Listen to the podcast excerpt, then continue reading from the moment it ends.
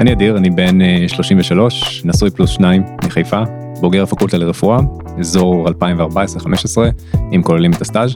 היום אני מנהל מוצר במערך החדשנות של כללית ומתמחה בבריאות הציבור. עד לאחרונה עסקתי ברפואת עיניים ברמב"ם, הייתי מתמחה ברפואת עיניים ברמב"ם. במצטבר לאורך השנים, שש וחצי שנים עתודאי לרפואה, תפקידים שונים בצבא, ובדרך עסקתי ביוזמות והכשרות כאלו אחרות בעולמות הרפואה דיגיטלית, מכשור רפואי, ביואינפורמטיקה, ואני כאן היום, נעים מאוד. כשאתה או את מתחילים ללמוד רפואה, המסלול שלכם מאוד ברור. שש שנים לימודים, סטאז' ויאללה, לקליניקה. אז זהו, שאפשר גם אחרת. אפשר להיות רופא, מדע נתונים, ואפילו סטארט-אפיסט שממציא טכנולוגיות חדשות שישפרו את הטיפול שכולנו מקבלים. ואפשר להיכנס לרשימת הצעירים המבטיחים של פורבס. אז איך זה להיות רופא שמטפל בכל כך הרבה תחומים? היום נשמע על כל זה מדוקטור אדיר זומר. אני רותי דונג, מנכ"לית ארגון בוגרי הטכניון, והיום אנחנו מתארחים בספרייה המרכזית. האזנה נעימה. הטכניוניסטים, הפודקאסט של ארגון בוגרי הטכניון. באמת ציינת שהיית רופא עיניים, ועשית ככה שינוי, שינוי כיוון. אז אני אשמח לשמוע קצת על זה. אוקיי, אני הייתי בערך שנה, קצת פחות משנתיים ברמב"ם כמתמחה ברפואת עיניים. קודם כל נתחיל ולומר שרפואת עיניים היא מקצוע מדהים, מקצוע מקסים, מאוד מאוד מאוד אלגנטי, משלב בתוכו גאדג'טים, טכנולוגיה, קליניקה, ניתוחים והוא פנטסטי. אבל באיזושהי נקודה אני החלטתי שאני רוצה לעשות משהו טיפה יותר רוחבי, שמסתכל על, ה... על רפואה בצורה קצת אחרת, שאפשר לעשות רפואה בצורה אחרת, ותכף אני גם אולי אפרט מה, מה זה אומר. וחודשים, האמת, התלבטתי מה, מה נכון לעשות, בה, כי לרופא לעבור מהקליניקה לתעשייה או לדברים אחרים שתכף נפרט, זה לא דבר טריוויאלי. ובסופו של דבר החלטתי באמת לעבור למסלול שנמצא ב, בתוך מערך החדשנות של כללית, שהוא משלב בתוכו גם התמחות בבריאות הציבור, זו התמחות גם מוכרת על ידי הר"י, שעוסקת באמת ב... יותר מניעה של, של מחלות, אפידמיולוגיה ומחקר, תכף גם נפרט אולי מה זה כולל, וניהול מוצר בעולמות ה data science הרפואיים. והשינוי בערך לפני חודשיים. טרי. כן, ממש, ממש עכשיו, וזה נהדר, זה, זה מרגיש לי נכון, וזה היה קשה, זאת אומרת, זה לא היה משהו שהוא, שהוא טריוויאלי, גם טוב, זאת אומרת, הייתי בקשר נהדר עם כולם, והייתי אמור להיכנס גם לתפקיד של chief resident, שזה בעצם אחראי על המתמחים, ושוב פעם, עם ניתוחים והכל מגניב והכל יפה, אבל הרגיש לי באיזושהי נקודה קצת, קצת רפטטיבי, קצת אולי חוזר על עצמו, ורצה לעשות משהו אחר, עם השפעה יותר רוחבית על, על המערכת. מה, מה הפריע לך בעצם בעבודה כרופא עיניים? זה, אני לא חושב שזה משהו שהוא ייחודי לעיניים, אבל גם המחשבה שאתה יכול בסופו של דבר לטפל בבן אדם אחד, וזהו, זאת אומרת, ההשפעה שלך כרופא תהיה תמיד one on one, שזה, שזה על הכיפאק וזה טוב, וצריך שיהיה רופאים טובים והם הלוחמים בשטח ש, שעושים את העבודה החשובה הזאת, אבל, כמו שאמרתי, אני רציתי משהו טיפה יותר רוחבי, שגם משלב טיפה יותר טכנולוגיה, טיפה יותר עבודה מול התעשייה, עבודה מול יזמים, וגם, כמו שאמרתי, שילוב של... דברים שונים מעולמות מדעי המחשב בתוך העולם הזה של רפואה מונעת ואפידמיולוגיה, כדי שאפשר גם להשפיע על קובעי מדיניות או דברים מהסוג הזה בצורה הרבה יותר רוחבית. אז כשאתה מדבר על טכנולוגיה, למה אתה מתכוון? אתן לך דוגמא, למשל אנחנו במכון המחקר של, של כללית, בתוך מערך החדשנות, אנחנו בעצם מתמחים בבריאות הציבור, אם פעם, או יותר נכון במקביל, זאת אומרת עדיין יש התמחויות נוספות בבריאות הציבור, נגיד בלשכות הבריאות השונות. הייתה עבודה רבה שעוסקת בנגיד לשבת במרפאת שחפת, מרפאת STD, לדגום מטופלים ובאמת לבצע מין כל מיני מחקרי תצפית ומעקב בצורה יותר מסורתית. אנחנו משתמשים הרבה בכלים של big data ו machine learning, המון AI בתוך הכלים שלנו כדי באמת גם לפתח וגם להטמיע כלים שהם כלים תומכי החלטה או כלי פרדיקציה. זה רפואה מונעת בצורה שהיא גם מגיבה וגם יוזמת וגם יודעת לתת מענה רפואי שהוא מותאם אישית עבור מטופלים באמצעות אותם כלים טכנולוגיים. ואיך בכלל הגעת לכלים הטכנולוגיים, מאיפה אתה מכיר את התחום הזה? אז אני, אני לא מתיימר להיות איזשהו מתכנת או מהנדס או איש טכנולוגי כזה או אחר, אבל לאורך השנים למדתי באמת איך לשלב את העולמות האלה בתוך הקליניקה שלי, עוד שעסקתי בקליניקה.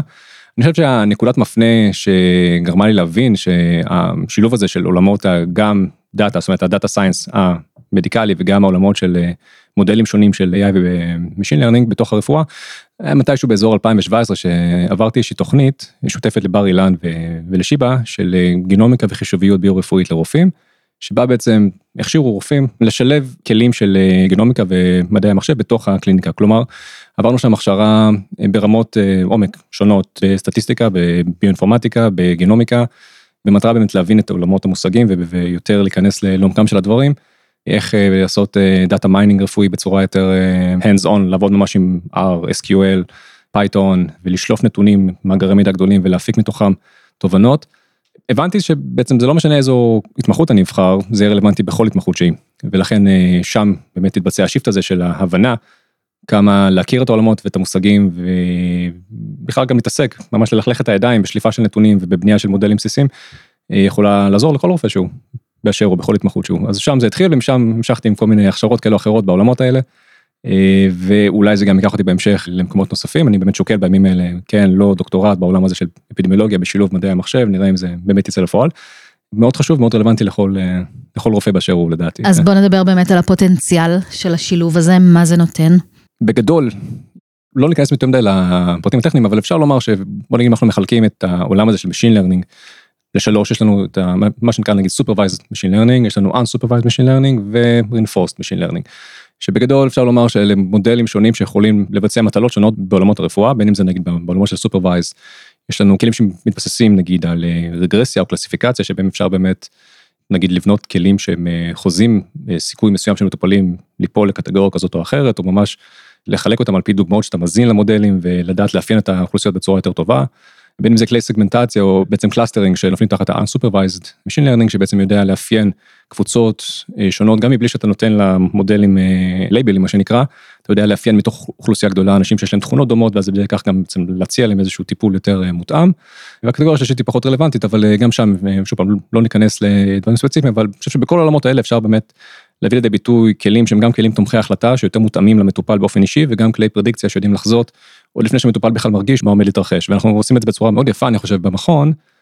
כי אנחנו גם אוספים את הצרכים ממש מהשטח ומטמיעים וגם מודדים את ה... גם המטריקות עצמן נמדדות ועל ידי כך אפשר להגיע להשפעה מאוד רוחבית כמו שאמרנו על... אם זה מתבקש שתיתן איזושהי דוגמה. אז אני חושב שפרויקט הדגל של הצוות שלי אני לא אמרתי אבל בתוך מערך החדשנות יש מספר צוותים שעוסקים באמת בעולמות מאוד מגוונים בין אם זה גנומיקה אפידמיולוגיה data science כמובן חדשנות תוך ארגונית וכן הלאה. הצוות שלי נקרא צוות רפואה מבוססת מידע ו-AI, הוא מנוהל על ידי דוקטור נועה דגן שהיא רופאה ויש לה גם רקע במדעי המחשב. הצוות שלנו מורכב ממספר רופאים מתמחים בבריאות הציבור כמו שאמרתי, אנשי דאטה, אנשי QA, פרויקט הדגל הוא פרויקט שנקרא CPI, סתם דוגמא הוא כבר יצא כאילו לתקשורת אפשר לדבר עליו הוא זכה בכמה פרסים בשנים האחרונות. סיפאי עומד על כללית Preventive and Proactive Interventions, זו בעצם מערכת שיושבת על המערכות של רופאי המשפחה, היא מאפשרת בעצם לרופאי משפחה לקבל עוד כמה שכבות של מידע על המטופלים ולעבור בעצם מהרפואה הסטנדרטית המגיבה נקרא לזה ככה לרפואה שהיא מנבאת ויוזמת ומותאמת אישית עבור המטופל, היא בעצם מקטלגת את המטופלים של רופאי המשפחה על פי דרגות סיכון להופעה של מצבים רפואיים מסוימים, מי יותר בסיכון לפתח X, וגם מצליבה את הנתונים האישיים של המטופל עם הגיידליינס העדכניים ביותר ומציעה בעצם לרופא את השיטת טיפול המעודכנת ביותר. שזו גם נקודה מעניינת, נדבר על זה אולי בהמשך, היום הספרות הרפואית מכפילה את עצמה כל כמה חודשים אז אתה יודע, אין סיכוי שרופאים יהיו מעודכנים לכן כלי כזה הוא הכרחי בהכרח. זה פרויקט הדגל הוא ממש ככה בשורה וחצי אפשר להיכנס אליו לעומק הדברים שיחה שלמה. אז אם ניקח לצורך העניין כולסטרול. אני באה לרופא או לרופאת המשפחה שלי ויש לו את הנתונים של הבדיקות שלי שעשיתי והוא יודע עליי עוד דברים שאני לא יודעת על עצמי, נכון? הוא יודע שאני שייכת לאיזושהי קבוצת גיל, גנטיקה, היסטוריה משפחתית אולי, את זה אני בטח כן יודעת, אבל יש בטח עוד נתונים נוספים, איפה אני גרה, או... אז האמת, מה שמעניין... מה הוא יכול ללמוד מזה? מה שמעניין שאת לא חייבת לבוא אליו בגלל זה, זאת אומרת, את יכולה לבוא אליו כי קיבלת מכה כן. בברך. כואבת לך הברך ופתאום הוא בא ואומר לך תקשיבי יש לך סיכון מוגבר למחלות קרדיו-וסקולריות כי 1, 2, 3, 4, 5. מה זה 1, 2, 3, 4, 5? מה הוא יודע עליי שאני לא יודעת? לוקח בחשבון כל מה שנמצא במערכת מבחינת הבדיקות מעבדה שעשית לאורך השנים, בדיקות עזר כאלו אחרות, הדמיות כאלו אחרות, תלונות שאת באה איתן לרופאי המשפחה ומקוטלגות כאבחנות מסוימות שאולי לא נראות עם קשר מסוים או ספורדיות לאורך השנים, אבל פתאום שאתה מחבר את הדברים ביחד עם הבדיקות מעבדה ובדיקות העזר ודברים מהסוג הזה, פתאום יש לזה איזשהו קונטקסט והקשר שאתה יכול באמת לבוא ולומר אוקיי מטופלים שהציגו דברים כאלה בעבר. סביר להניח שיחמירו לכדי מצב רפואי כזה או אחר. משקלל בתוכו המון המון המון המון נתונים שגם כמו שאמרתי מתבססים על ה guidelines העדכניים שלוקחים בחשבון את כל הדברים האלה. ומה שיפה זה שאת לא חייבת לבוא בגלל התלונה הזאת אלא בכל נושא אחר ולבוא בעצם ולקבל את ההתראה של עוד איקס זמן את עלולה חלילה ללקות ב... לא יודע, התקף לב חס וחלילה ולכן כדאי שתבצעי 1 2 3 וגם זה מגובה על ידי ה guidelines העדכניים ביותר, שאולי במקרה התעדכנו לפני חודשיים, ואולי הרופא פחות מכיר בהם, והנה כאן יש איזושהי תרופה שבדיוק שמענו שנכנסה לסל וגם באמת מועילה לך, והיא יותר טובה מהתרופה X שאת כרגע מקבלת. בואי נשקול לשנות את הטיפול שזה מדהים זה כאילו זה mind blowing ועם השנים ככל שהדברים גם יתקדמו אפשר לשלב בתוך זה גם מידע גנומי ומידע מותאם אישית וזה פנטסטי הפוטנציאל הוא אינסופי. הפרויקט הזה שאתה מדבר עליו ובכלל פרויקטים בכיוון הזה קיימים כבר זאת אומרת אני היום יכולה אה, לקבל את האינפורמציה הזו מרופא המשפחה שלי? היום המערכת הזאת פרוסה כבר למעלה מ-600 רופאי משפחה ברחבי הארץ בכללית. וכן זאת אומרת יש רופאי משפחה שממש עובדים איתנו צמוד גם לאפיין את המוצר וגם לקבל פידבקים בהמשך. המערכת רצה היום על מספר אה, מצבים רפואיים, על אה, אוסטופורוזיס לצורך העניין, על אה, מחלות קרדיו-וסקולריות, סוכרת, וככל שהזמן עובר מתווספות עוד ועוד אוכלוסיות וזה, כמו שאמרתי, פוטנציאל הוא באמת אדיר, כן. הרופאים בשטח לא חוששים לאבד איזשהו, לאבד את הטאץ'? יש את המשפט האלמותי שאני באמת לא יודע מי הגה אותו, שזה לא שבינה מלאכותית תחליף רופאים, אלא רופאים שמשתמשים בבינה מלאכותית יחליפו רופאים שלו. כמו כל מערכת שהיא סבוכת בירוקרטיה ומשתנים, אה, יש את האתגרים אה, שלה, ומצד שני יש גם המון רופאים שמתנדבים להיות ממש ה-early adopters של הדבר הזה, גם מבחינת, כמו שאמרנו, אפיון, בשלב בנייה של הזה, וזה התחיל עוד הרבה לפני שהגעתי למכון, בשלב הבנייה של המודלים ועד ידי ממש פידבקים בזמן אמת, וכיף לראות גם את ה... תוצאות בשטח, כלומר רופאים שבאים ואומרים אוקיי וואו אני לא לא שמתי לב לזה או פספסתי עוד דברים מסוג הזה אני יכול לתת רפואה הרבה יותר טובה למטופלים שלי. יש פלקים די טובים מהשטח ובצדק. אז אתה בעצם טוען לא רק שאתם צריכים אה, לדעת בינה מלאכותית, אתה בעצם טוען שכל רופא ורופאה בשטח צריכים שיהיה להם איזשהו ידע בתחום. אני שוב פעם, אני לא מתיימר להיות איזשהו איש טכנולוגיה כזה או אחר, וגם אין לי את ההכשרה האקדמית בנושא, אבל היכרות עם המושגים, עם העולמות, עם היכולות, איפה אתה יכול להכניס את זה לתוך ה-workflow של הרופא בצורה, איפה מודל מסוים יכול להיות יותר רלוונטי, או אפילו מה המטריקות שאתה בודק מודלים כאלו אחרים. שהם באים אה, לבדוק משהו, זה משהו שרופאים צריכים לדעת לדעתי, כי בסופו של דבר הרופאים האלה בין אם הם יהיו בעמדות אה, מפתח או לא, יפנו אליהם חברות, אה, טכנולוגיה, סטארט-אפים ויציעו להם מוצרים, והם יצטרכו להחליט ולדעת איפה זה רלוונטי לי ואיפה זה נכנס לי בתוך השגרת יום שלי, ואיך אני בכלל מודד את זה מבחינה גם טכנולוגית אבל גם קלינית, שזה בכלל מועיל לי. ואם לא מכירים את המושגים, יהיה מאוד קשה להעריך את זה. וזה אפילו יכול ליצור אנטגוניזם וזה חבל מאוד כי באמת ההטמעה של זה היא מאוד מועילה למערכת וחבל מאוד שזה ייבלם רק כי פשוט לא מכירים את הבסיס. לכן הבסיס הוא הכרחי מאוד לדעתי לכל רופא לא משנה באיזו התמחות הוא בוחר להיות. ואיך זה באמת משפיע על הקשר עם המטופל לדעתך? חד משמעית אתה יכול לתת רפואה טובה יותר כי כמו שאמרתי רופא שנכנס לבית ספר לרפואה לא יוצא אותו רופא מבחינת הכרה של החומר והבנה של מה שעדכני ונכון הספרות הרפואית מתעדכנת בקצבים, יש כאלה שיגידו כל שישה חודשים טיפה יותר, אבל אה, אין שום אפשרות בעולם שרופא יישאר מעודכן לאורך זמן בוודאי, זה דורש אנרגיה ומשאבים שהם אינסופיים, והכלים האלה יכולים פשוט לארוז את הכל בצורה הרבה יותר מונגשת ונוחה ולעשות באמת איזשהו שדרוג לרופא לתת רפואה הרבה יותר טובה ומדויקת ומותאמת אישית עבור המטופל, לכן חד משמעית יש תועלת רבה בשילוב של, ה... של הדברים האלה. בעצם עשית שינוי אה, לא כל כך מזמן, אתה עוד מתגעגע למגע האישי עם המטופלים עצמם? כן, אז אה, אני, כמו שאמרתי, לא היה לי רע, אני מאוד נהניתי באיזושהי נקודה, אבל שהסתכלתי על עצמי קדימה, 20-30 שנה קדימה והבנתי מה אני רוצה לעשות, אה, זה לא היה זה. לפעמים אני, כן, מסתכל על זה אחורה וחושב על מה אם, בוא נגיד ככה, אבל מהר מאוד אני מבין שאני חוזר שנייה למציאות, ומבין שזה לא שאני הפסקתי לעשות רפואה, אני פשוט עושה אותה בצורה קצת אחרת. אז ככה אם אנחנו מסתכלים על זה בצורה יותר רחבה, אתה בעצם אה, יזם, אפשר להגיד, נכון? אולי, אין הנחתום, מעיד על עיסתו, בוא נגיד ככה וזה, אבל לאורך השנים אה, עברו לי שני שריטות עיקריות, אחת נקרא לזה השריטה הביזנסית והשנייה השריטה היותר טכנית, הטכנולוגית. נתחיל אולי בביזנסית, מתישהו בשנה שישית כסטודנט הגיע לפקולטה לרפואה האקתון שנקרא 3DS, 3day startup, שבמהלכו זו בעצם הייתה פעם ראשונה שהתוודעתי למה זה האקתון ואיך אתה באמת אה, לוקח אה, רעיון או בעיה ובונה סביבו איזשהו אה, מוצר ככה ב-24-48 שעות. התאגדנו כמה חברים וניסחנו איזשהו רעיון לאביזר שעוזר למטופלי ציסטיק פיברוזיס לפנות את ההפרשות מדרכי הנשימה. וזה בעצם ממש הלהיב אותי, ממש הדליק אותי, המחשבה שאתה יכול לקחת איזשהו רעיון או צורך או, או בעיה ולבנות על זה שכבה על שכבה את הפתרון, בין אם זה איזשהו אה, ניתוח של מה קיים בשוק, מה המתחרים, איפה זה נכנס בכלל ל clinical workflow של הרופא, שיקולים של שיפוי רפואי, של רגולציה, כל הדברים האלה באיזשהו נקודה ממש הדליקו אותי, כאילו, ומאז המשכתי לעשות דברים דומים. אז זה הצד ה business י, הצד הטכני, כמו שאמרתי, הגיע ב-2017 שהשתתפתי בתוכנית ובאמת הבנתי כמה חשוב לשלב את עולמות ה data science וה machine learning עם הרפואה, וגם שם במקביל שני הוקטורים האלה המשכתי וחיזקתי לאורך השנים בתוכניות או הכשרות או מעורבויות כאלה או אחרות ביוזמות שחיזקו את הדברים. בשש וחצי שנים האחרונות הייתי באיזושהי מסגרת צבאית אז לא ממש יכולתי להקים איזושהי חברה משל עצמי או לצאת לדרך עצמאית. נוסיף על זה גם את הדרך מאוד ארוכה של הרופאים של סטאז', התמחות וכן הלאה, אתה לא באמת יכול לצאת לדרך אם אתה לא מוותר על הדברים האלה. אבל דווקא במסגרת הצבאית כן פיתחת רעיון שאני אשמח ככה אם תספר עליו. כן, כן, כמובן. אז, אז מכיוון שלא יכולתי באמת לצאת לדרך עצמאית כמו שהייתי רוצה, מצאתי דרכים באמת לשלב את הפשן הזה לאורך הקריירה בצורה שהיא תתכנס גם לדיי ג'וב. למעשה אחד הפרויקטים הגדולים למעשה במהלך השירות הרפואי היה אביזר שפיתחנו, שמטרתו הייתה באמת לזהות פציעות חזה מסוג חזה אוויר, חזה דם, זה פשוט הצטברות לא תקינה של אוויר או דם בבית החזה, בצורה שהיא לא פולשנית, באמצעות איזשהו אביזר שממש מאזין לקולות הנשימה ומנתח את האותות האקוסטיים ויודע לתת תוך שניות גם מה הנפח של הפציעה וגם איפה היא נמצאת. והאם זה כן לא. אה, אתה מדבר על שדה קרב. למעשה אולי ניתן איזשהו קונטקסט, אה, חזה אוויר או מה שנקרא באנגלית tension pneumothorax הוא אחד משלוש הסיבות העיקריות למוות שהוא בר מניעה בשדה הקרב. הנפוצה ביותר זה כמובן דימום וזה אנחנו יודעים שנעצור דימום אנחנו נציל חיים אבל גם זה וזה מגובה מחקרים של הצבא האמריקאי וגם פה אצלנו בצה"ל.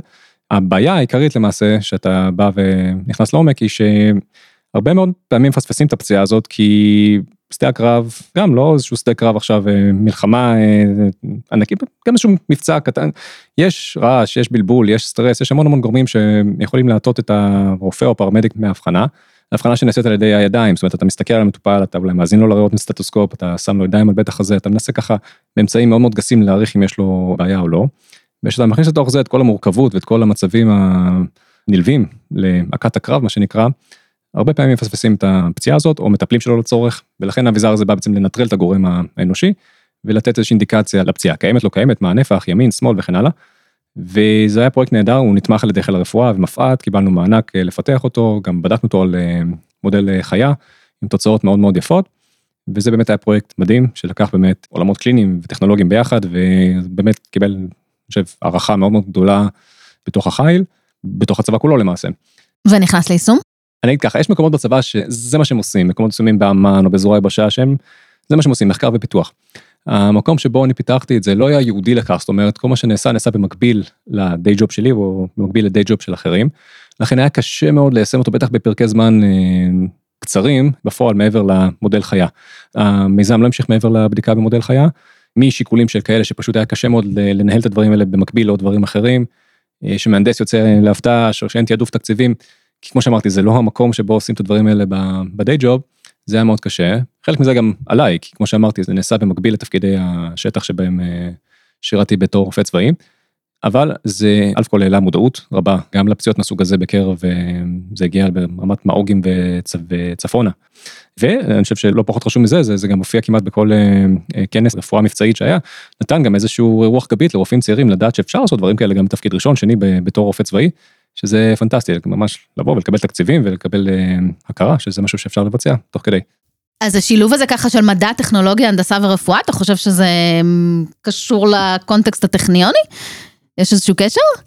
אה, אלכוהול כן, באמת, אני חושב שגם בשלבים מאוד ראשונים שלנו בהכשרה בתור סטודנטים, אה, עברנו, אמנם לא בהקשר למה, למה שאני עושה היום, אבל כן היו קורסים בתכנות בסיסית, מטלב, R וכאלה, המון המון קורסים יחסית לפקולטות אחרות מתמטיקה וגם אה, כימיה פיזיקלית, כימיה אורגנית שנלמד במקומות אחרים, אבל בהיקפים הרבה יותר קטנים.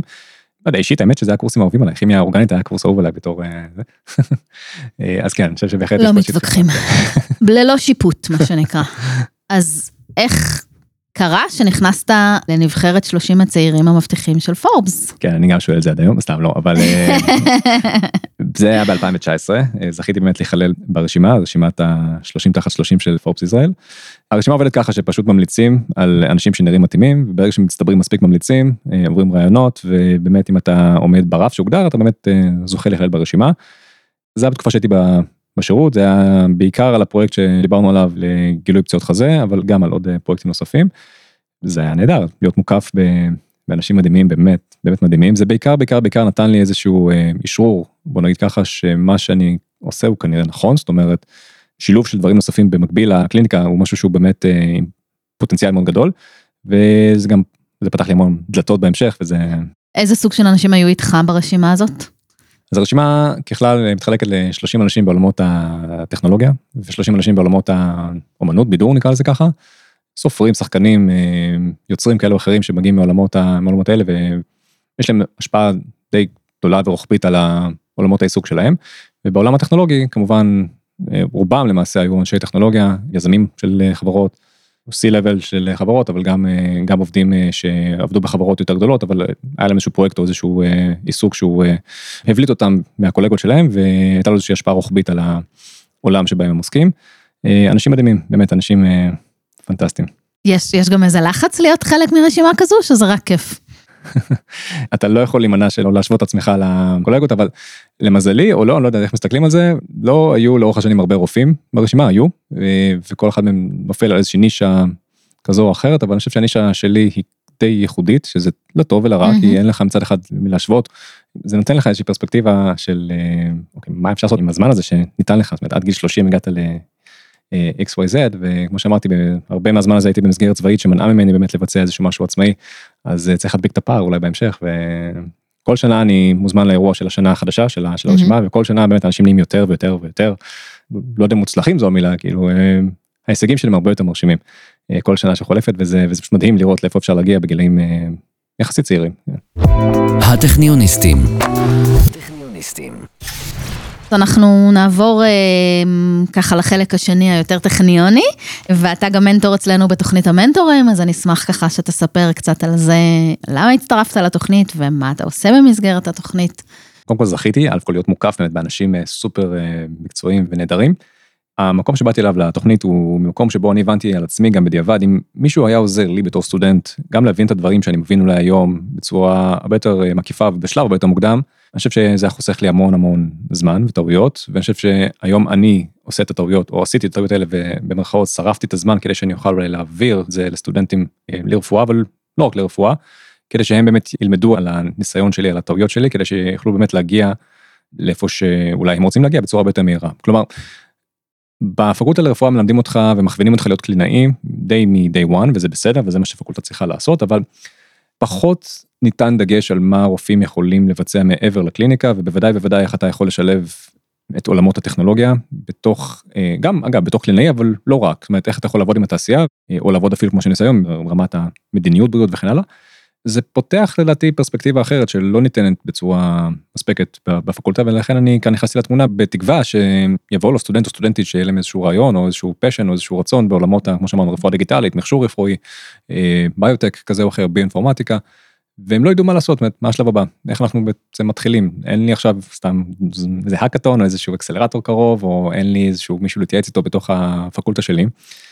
ואם הם יכולים להציף את זה למעלה לארגון ואיכשהו להגיע אליי, זה לדעתי יכול אה, להביא אותם למקום אחר שאולי לא דמיינו שהם יכולים להגיע אליו. וגם בכלל להיעזר בבוגר אה, בעל ניסיון שעשה מסלול אה, דומה, אז אנחנו מזמינים סטודנטים וסטודנטיות להצטרף לתוכנית המנטורים ולקבל מנטורים מדהימים כמו אדיר, וגם התחברת לקהילה של המנטורים, אז גם אולי כמה מילים על הקהילה באמת מדהימה הזאת. כן, כן, אנשים מדהימים. באופן אישי אפילו, אפילו אני נעזרתי ביכולות, בידע ובקשרים של האנשים. אתן דוגמה, מנטורית העל, עינת ברוכוביץ'. מנטורית על, כן, כן. באמת מנטורית על. אה, עזרה גם לי באמת לקבל מושג על איזושהי הכשרות אה, טכניות כאלו או אחרות שאני חיפשתי בזמנו בעולמות ה data science. הכווינה אותי לקורסים מסוימים, נתנה לי טיפים, אה, כי זה העולם שלה, היא data scientist ית. אז באמת גם אני לומד, זאת אומרת גם אני נעזר וגם אני לפעמים גם מחבר מנטורים אחרים למנטורים אחרים או לחברים שיש להם איזשהו תחום העניין, יש איזושהי הפריה הדדית באמת של אה, גם חיבורים, קשרים וידע בתוך הקהילה. נטוורקינג. עצות לסטודנטית המתחילה או לסטודנט. אז אולי אני אגיד שני דברים קצרים. הראשון, זה נשמע אולי כקלישאה, אבל uh, תמיד צריך לחבר את זה לקונטקסט שבו נמצאים. אם אנחנו מרגישים שאנחנו תקועים באיזושהי נקודה, בעיקר סטודנטים לרפואה, שיש איזשהו מסלול מאוד מובנה, כלומר יש לנו את הלימודים, ואז את הסטאז', ואז את ההתמחות, ואז את התמחות, ואז את המומחה צעיר וכן הלאה וכן הלאה. אם אתה מרגיש באיזושהי נקודה שכדור השלג הזה מתחיל להתגלגל וקשה לך מאוד לעצור אותו ואתה רוצה לעצור אותו, אל תפחד לעצור אותו. כי רוב הפעמים אנחנו נצטער על דברים שלא עשינו מאשר על דברים שעשינו, זה לא מאוחר מדי לעשות את השינוי הזה גם בשלבים יחסית מאוחרים כמו שאני ביצעתי בהתמחות. follow the dream ואל תפחדו באמת לעצור גם אם נראה לכם שזה נגד המסלול הטבעי שבו אתם אה, מוסללים.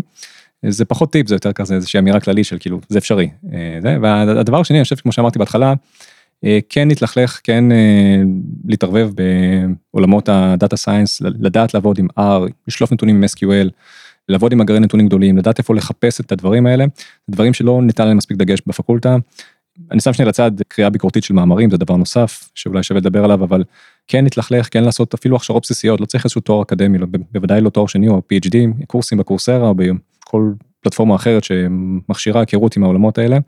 ואפילו קורסים בסיסיים בעולמות ה machine learning ב-AI כדי להכיר את המושגים. יש קורסים יותר גדולים כמו שהקורס שאני סיפרתי עליו בבר אילן ושיבא יש קורסים יותר קצרים אונליין. אה, אבל לעשות לעשות ולהכיר כי זה לא דברים שמבצעים במהלך הלימודים. וזה ייתן איזשהו קונטקסט כללי אה, למעורבות שלכם בעולמות האלה אם זה רלוונטי. במקביל ללימודים זה משהו שלא שמים עליו דגש מספיק וזה חשוב. מה אתה הכי אוהב בטכניון? אה, האמת שאני אני מאוד אהבתי את הפקולטה לרפואה עדיין פקולטה לרפואה אני יכול להגיד על עצמי משהו מאוד uh, משעשע מי שלא יודע פקולטה לרפואה נמצאת uh, בבת גלים מנותקת מהקמפוס הראשי נמצאת ליד רמב"ם והיא נמצאת ממש על, חוף הים. יש לה מנחת מסוקים צמוד של רמב"ם ממש מתחת לפקולטה. וזה מה שאני בפקולטה כשהייתי סטודנט הייתי הולך לשם יושב על הסלעים מסתכל על הים. שהיה זמן או אפילו שהייתי מתמחה אה, בתורניות והיה לי זמן הייתי עושה איזשהו סיבוב מחוץ לבית חולים באותו מנחת שבו הייתי יושב אה, בתור סטודנט. והנוף הוא מדהים זה הנוף הכי טוב מכל הפקולטות נכון. ever שיש אה, בארץ. והתחרות כן. קשה. כן. תחרות קשה בטכניון. ועכשיו, השראה טכניונית. קולגה לשעבר להתמחות, דוקטור יוסי נתן, גם בוגר הפקולטה לרפואה. כשאני התחלתי התמחות הוא כבר היה כמעט שנתיים בהתמחות, גם רפואת עיניים אני מזכיר. הוא מספר חודשים אחרי שהתחלתי אה, עזב את ההתמחות להקים אה, סטארט-אפ בעולמות הרובוטיקה אה, ברפואת עיניים. היום מאוד מאוד מצליחים אחרי גיוסים של עשרות מיליוני דולרים והולך להם נהדר. ושאני התלבטתי עם עצמי מה הלאה נזכרתי ביוסי שהלך אחרי התשוקה שלו ולא פחד ובדיוק כמו שאמרתי מקודם לא המשיך עם כדור השלג הזה שהלך ורדף אחריו וידע לעצור בזמן. והוא בהחלט היווה עבורי השראה גם לצד ו... וגם להמשך. ועכשיו, פינת קידום עצמי. אז מה, מה התוכניות? לאן אתה עוד מתכנן להגיע? אז... לא אמרנו שאתה רק בן 33, נכון? אה, רק, אה, זה כבר אה, די מבוגר. ככה, גם במקום שבו אני נמצא כיום, ישנם שלושה צירים עיקריים שבהם אה, אפשר אה, להתקדם בהם, בין אם זה ברמת משרד הבריאות. והרגולטור בעולמות האלה שעוסקים אישית מה שמעניין אותי בכל העולמות של רפואה דיגיטלית ובריאות דיגיטלית ואיך אתה מטמיע את זה בצורה יותר נכונה ורחבה במערכת הבריאות הישראלית זה ציר אחד שאולי נמצא את עצמי בו. ציר נוסף זה הציר האקדמי.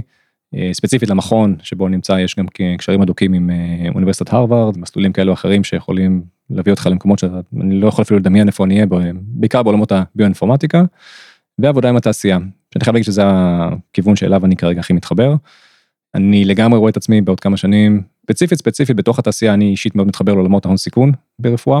כמו שאמרתי, מאוד מלהיב אותי לקחת איזושהי בעיה או רעיון ולבנות סביבה איזשהו פתרון ולנתח בדרך את כל האתגרים העסקיים ואיפה זה יכול להיכנס לרופא לצורך העניין אה, בסופו של יום. אז זה כרגע הכיוון שיותר מדבר אליי. מאוד הייתי רוצה לראות את עצמי שותף באיזושהי קרן סיכון שמשקיעה במיזמים בבריאות דיגיטלית בהמשך. אה, בעצם מביא לידי ביטוי את כל הידע והניסיון שלי אה, כדי להשפיע, כמו שאמרנו, על אה, כמה שיותר מיזמים בעולמות האלה, כדי להשפיע על יותר ויותר מטופלים בסופו של דבר. אז אה, בטוח יש מבין מאזיננו אנשים רלוונטיים, אז זה קריאה נרגשת. הטכניוניסטים. ועכשיו, פינת.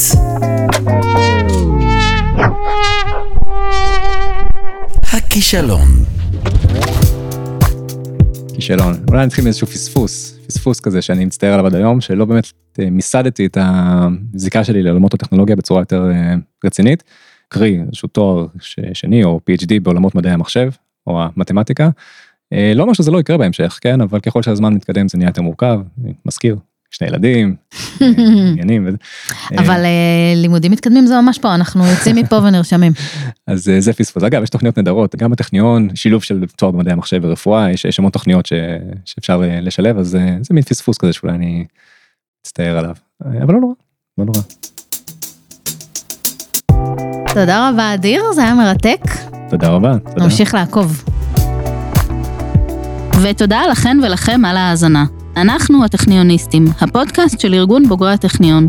תוכלו למצוא אותנו ביישומוני הסטרימינג וההסכתים, ספוטיפיי, גוגל, אפל, דיזר ועוד. שם אפשר להאזין לכל הפרקים ולהירשם לקבל עדכונים על פרקים חדשים. אם גם אתם רוצים להשתתף בפודקאסט, צרו איתנו קשר. אני רותי דונג, להתראות. הטכניוניסטים, הפודקאסט של ארגון בוגרי